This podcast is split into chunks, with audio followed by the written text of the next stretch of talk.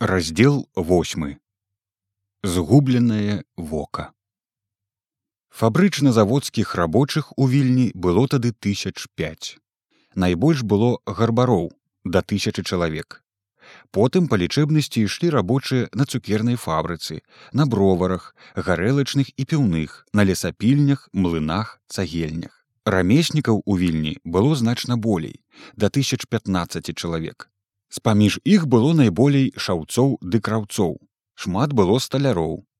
Потым ішлі панчошнікі цукернікі пекары тытуньшчыкі гельзоўшчыкі канвертшчыкі алоўшчыкі кветачнікі шчотачнікі гузікары бляхары катляры.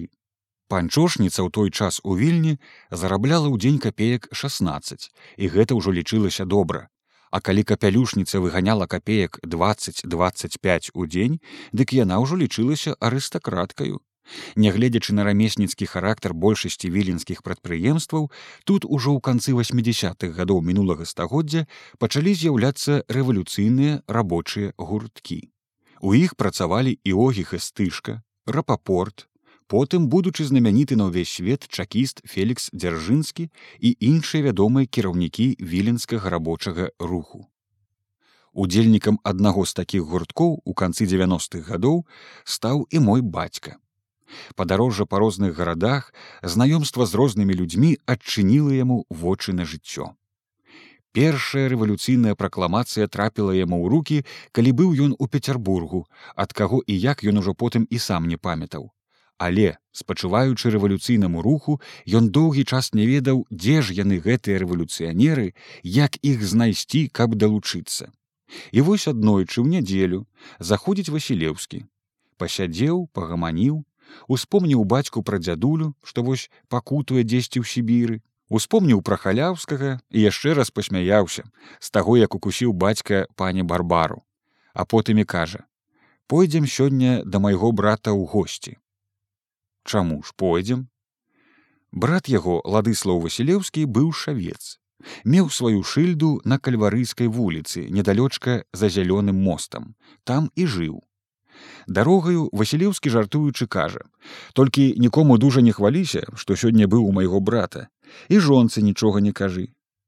Бацька думаў, што будзе выпіўка і таксама жартам яму адказвае: Ну, спярша пабачым, які будзе пачастунак піва будзе новае загадкаю заўважыў васілеўскі загаманіў пра надвор'е калі яны прыйшлі там ужо сядзела чалавек колькі. Усе бацьку незнаёмыя як быццам гарбары а можа і шаўцы. А на стале была толькі гарбата з танным сальцісончыкам і з чорным хлебам.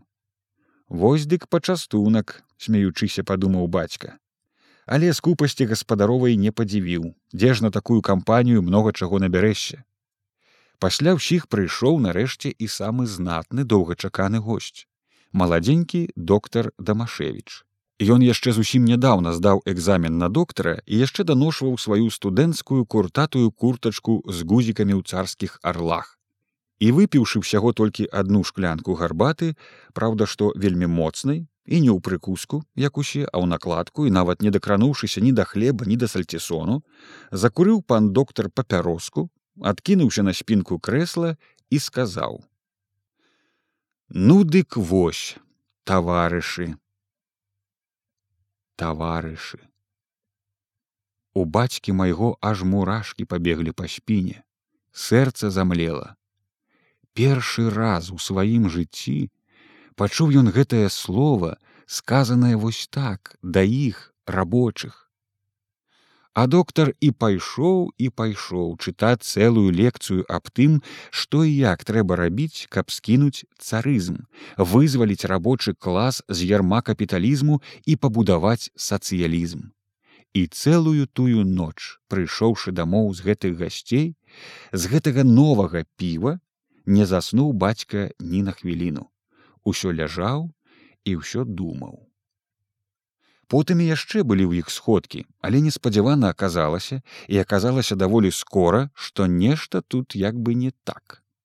Было гэта спачатку троху смешна, а потым стала прыкра.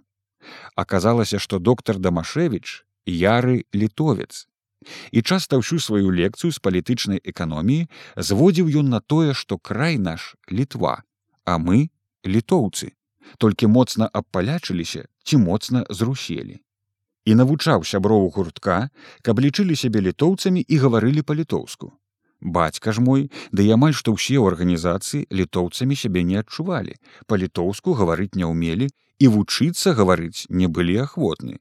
І вось на адной з ходцаў таго ж ладыслава Васілеўскага з'явіўся з-паміж іх станіслаў Тарусевич. Празвалі яны яго потым акулярнікам за тое, што насіў дужа вялікія акуляры.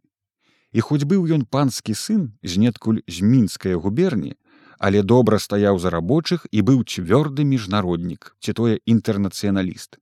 У блізкім часе ўсе члены арганізацыі, што былі з рабочых, а ў тым ліку і мой бацька літоўца пакінулі і перайшлі да Тарусевіча. Работа ў іх пайшла добра. Звязаліся з таварышамі ў дэпо на віленскім вузле, працягнулі ніці ў мінск, гродню, дзвінск. То падымаўся люд скаваны. Янка купала а потым скора выбілі майму бацьку левае вока. Ды так, што застаўся на ўсё жыццё аднавокім. Так у пачатку лета у віленскім прадмесці новы горад, дзе жыла ды і цяпер жыве найбольш рабочая і рамесніцкая бедната, сабраўся на вуліцы вялізны натоўп. Кіраваў натоўпам малады, энергічны і адважны хлопец яўрэй, шавец гірша лекерт, баявік віленскай арганізацыі бунда, бацька мой быў у ліку яго блізкіх памагачых. Натоўп кінуўся на паліцэйскі ўчастак і з поспехам адбіў арыштаваных таварышаў. Аб гэтым першым масавым выступленні віленскіх рабочых ужо шмат пісана. Толькі нідзе не напісана, што ў часе гэтага выступлення мой даволі гарачы бацька прабіў аднаму нізенькаму гарадавіку каменем макушку, а другі гарадавік вышэйшы ростам размахнуўся рэвальверам і з усяе сілы ударыў майго бацьку па саменькім воку. Вынеслі бацьку з поля бойкі непрытомным, але балазе вынеслі і схавалі. Арыштаваць яго паліцэйскім сабакам не ўдалося.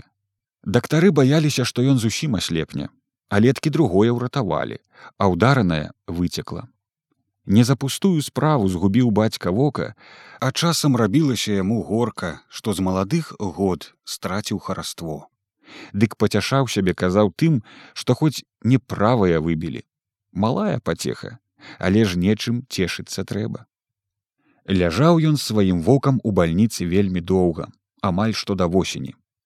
І не выбрала ж сабе моя брудзяністская бабуля іншага часу памерці, як у гэтае лета. Усё чакала сібіры дзядулю ды так і не дачакалася.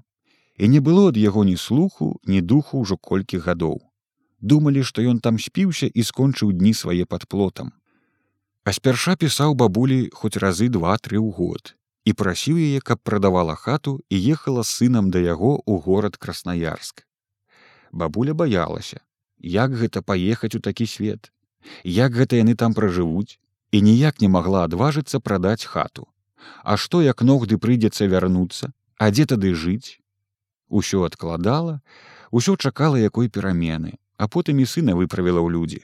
Засталася ў сваёй хаце адна і як прыйшлося паміраць, дык і хварэла і памірала зусім адзінокая і пахавалі суседзі але за колькі месяцаў да яе смерці і яшчэ перад гэтым здарэннем з бацькам ездзіла маці ў брудзянішкі даведацца яе і купіць там чаго па схаднейшай цане палатна сала і мяне з сабою брала маці потым успамінала што бабуля пестуючы мяне ў сябе на каленях усё прыглядалася да мяне і казала што я вельмі падобны да дзядулі з твару. Увесь чысценька ў дзеда антошку ну вылеты дзядуська і носічак і вочки і казала маці гэта ўсё моя паганая натура нарабіла. Бывала ні ў чым яму не ўступлю усё супроць яму раблю праз гэта ён і з людзьмі пачаў сварыцца. Праз гэта і ў сібір папаў. Была яна тады як апошні раз маці яе бачыла зморшчаная зморшчаная згрыбелая сівая бабулька сагнутая ў круг і дробненькая сохленькая у чым толькі дух трымаўся. І два дзівы было маёй маці. Першае дзіва, як яна такая бяссільная магла цяжкія суды вады падняць і панесці.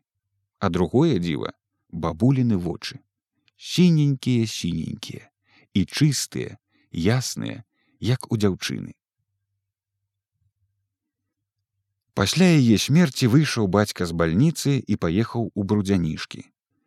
Рэчы бабуліны якія прадаў суседзямі расплаціўся а якія ўзяў з сабою прывёз у вільню. Столькі там і рэчаў тых было скрыня што яшчэ дзядуля ёй справіў ступка невялікая начовачкі трубачка палатна старая спаднічка. Чысцейшая што сама загадзя нарыхтавала суседзі ёй як прасіла на той свет надзелі. А ў хату бацька пусціў зэлікавага сына абрама каваля за тры рублі ў год